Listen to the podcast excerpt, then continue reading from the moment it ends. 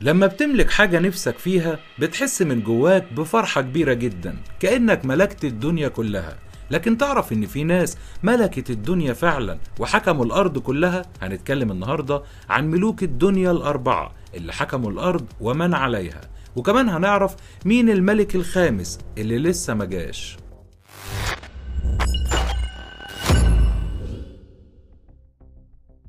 قبل ما نبدأ يا ريت نصلي على النبي عليه الصلاة والسلام وأتمنى إنكم تساعدوا في انتشار الحكاية. معروف إن الأرض في تاريخها ملكها أربع ملوك، اتنين مؤمنين وهم سيدنا سليمان عليه السلام وذو القرنين، واتنين منهم كفار وهم نبوخذ نصر والنمرود، وفي ملك خامس كمان لسه هيجي بس مش عارفين يا ترى هيظهر في عصرنا ولا عصر ناس تانية. خلونا نبدأ بسيدنا سليمان عليه السلام. سيدنا سليمان هو واحد من أشهر ملوك مملكة بني إسرائيل الموحدة قبل ما تتقسم لمملكة شمالية ومملكة جنوبية. مسك الحكم بعد أبوه الملك سيدنا داود عليهما السلام. العلماء والمفسرين ما حددوش الزمن اللي عاش فيه على وجه الدقة لكن حسب العقيدة اليهودية فسيدنا سليمان كان عايش في الفترة ما بين سنة 990 ل 931 قبل الميلاد وتوفى وهو عمره 52 سنة. الملك اللي ربنا أنعم بيه على سيدنا سليمان ما أنعمش بيه على حد تاني من بعده وده لأن ربنا سبحانه وتعالى أخبرنا في القرآن الكريم إن سيدنا سليمان دعا ربنا إنه يوهبه ملك ما يوهبوش لحد تاني من بعده مهما وصل في الحياة. وربنا استجاب لدعاء نبيه الكريم وكان من ضمن الملك اللي أنعم عليه بيه إنه كان بيتحكم في الجن والشياطين وكان بيسخرهم للقيام بالأعمال اللي يصعب على البشر إنهم يقوموا بيها.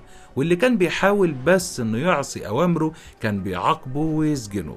وكمان كان بيسخر الرياح لأمره وبيفهم لغات كل الحيوانات والحشرات والشجر وأي كائن حي. باختصار كده كل حاجة في الدنيا كانت تحت أمره بإذن من الله سبحانه وتعالى. وكان سيدنا سليمان بيستخدم كل الإمكانيات الرهيبة دي في أعمال الخير واللي تنفع الناس. والرخاء والجمال اللي وصلت له مملكة بني إسرائيل في عهده ما وصلتلوش في أي زمن تاني لا قبله ولا بعده. وطبعا أهم حاجة كان بيستخدم فيها الإمكانيات الرهيبة دي كانت الدعوة لعبادة ربنا سبحانه وتعالى. وكلنا عارفين قصته مع الملكة بلقيس لما جاله الهدهد وقال له إنه شاف في اليمن ناس مشركين بالله وبتحكمهم امرأة. وواضح إن حضارتهم غنية جدا ورجالها أقوياء.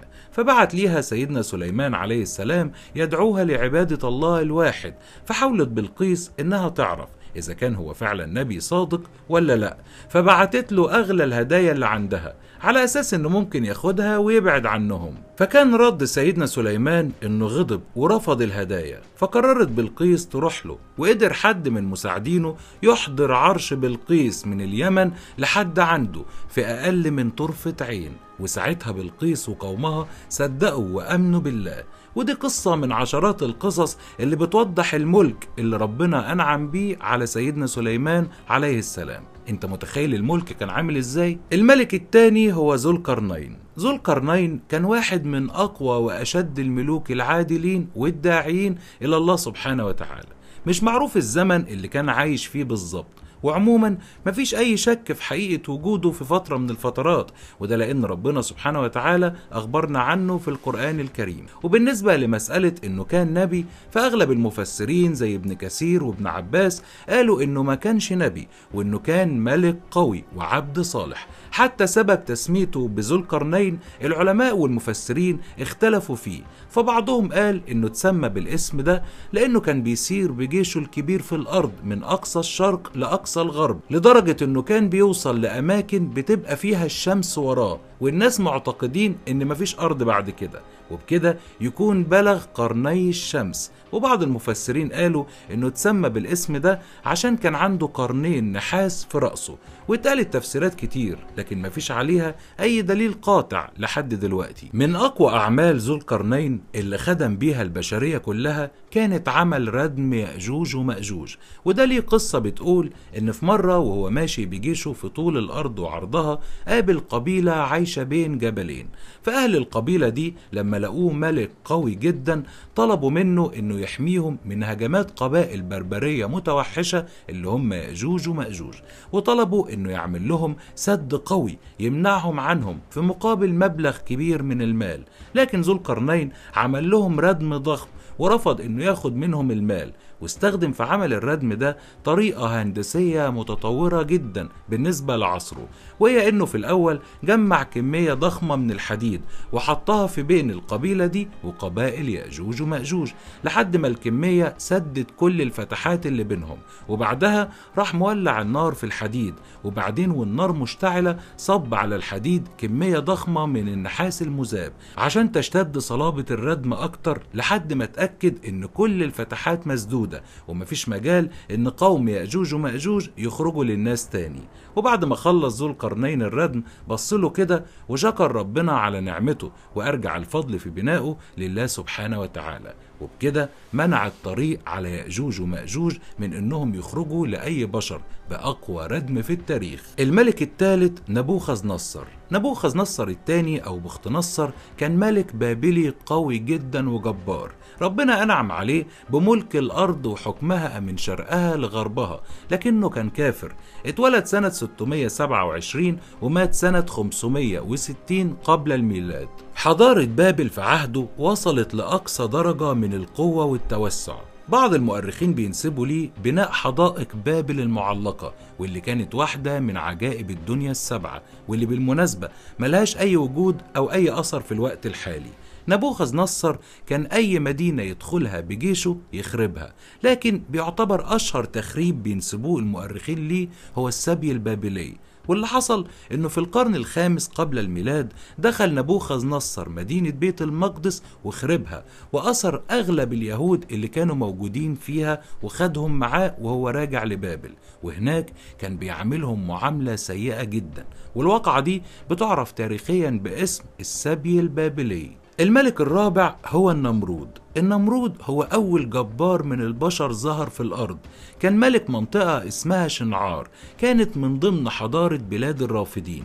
أغلب المؤرخين بيقولوا إن هو أول من وضع التاج على رأسه وادعى الإلوهية وحكم أكتر من 400 سنة وإنه في مرة حلم إن كوكب في السماء اتطفى واختفى ضوء الشمس من عليه. فبعت جاب الكهنة بتوعه وسألهم عن تفسير الحلم ده. فقالوا له إن في شخص هيتولد في مملكته هيكون نهاية حكمه على إيده. فأمر بذبح أي مولود ذكر يتولد في المملكة بتاعته. وفي نفس السنة اتولد سيدنا إبراهيم عليه السلام. فأمه أخفته من رجال النمرود لحد ما كبر. ولما ربنا أنعم على سيدنا إبراهيم بالنبوة والرسالة راح للنمرود ودعاه إنه يعبد ربنا وإنه يعلن قدام كل الناس إنه مش إله. وهنا حصل التحدي المشهور اللي بيخبرنا بيه القرآن الكريم. هو إن سيدنا إبراهيم عليه السلام لما راح للنمرود فالنمرود سأله بيعمل إيه ربك زيادة عني؟ فسيدنا إبراهيم رد عليه وقال له إن ربنا بيحيي ويميت. فالنمرود جاب شخصين وأمر بقتل واحد منهم والعفو عن التاني. وقال لسيدنا إبراهيم ادينا اهو أحيي وأميت. فرد عليه سيدنا إبراهيم بإن ربنا بيجيب الشمس من المشرق هاتها أنت بقى من المغرب. وساعتها النمرود ما قدرش يرد عليه واتفضح قصاد كل حشيته. حتى موته كان آية من آيات الله سبحانه وتعالى. وده لأن بكل قوته وجبروته ده ربنا سلط عليه بعوضة. دخلت في أنفه وكانت مجنناه. وقعدت سنين في أنف النمرود. وكان النمرود ساعتها بيوصل بيه الجنون إنه بيخلي الناس تضربه على دماغه من ورا بالأحذية عشان بس يرتاح شوية من زن البعوضة والعذاب اللي هو فيه. وبعد شوية ترجع البعوضة تجننه تاني. وبعض العلماء قالوا إنه فضل على الوضع ده 400 سنة. يعني حكم 400 سنة واتضرب بالحذاء 400 سنة. ومع كل جبروته ده أطلق عليه لقب الملك الذي قتلته بعوضة. اتكلمنا عن ملوك الأرض الأربعة. بس فاضل ملك خامس لسه ما ظهرش وهو المهدي المنتظر. واللي المفروض هيظهر آخر الزمان ويحكم العالم كله بالعدل ويقضي على الظلم. وساعتها الحياة على الأرض هتتغير كتير للأحسن طبعا. بس كده يا رب ما كنتش طولت عليكم وكون قدرت أحكي لكم الحكاية اللي كانت معايا النهارده بشكل مبسط وسهل. كان معاكم أخوكم ناصر حكاية. السلام عليكم.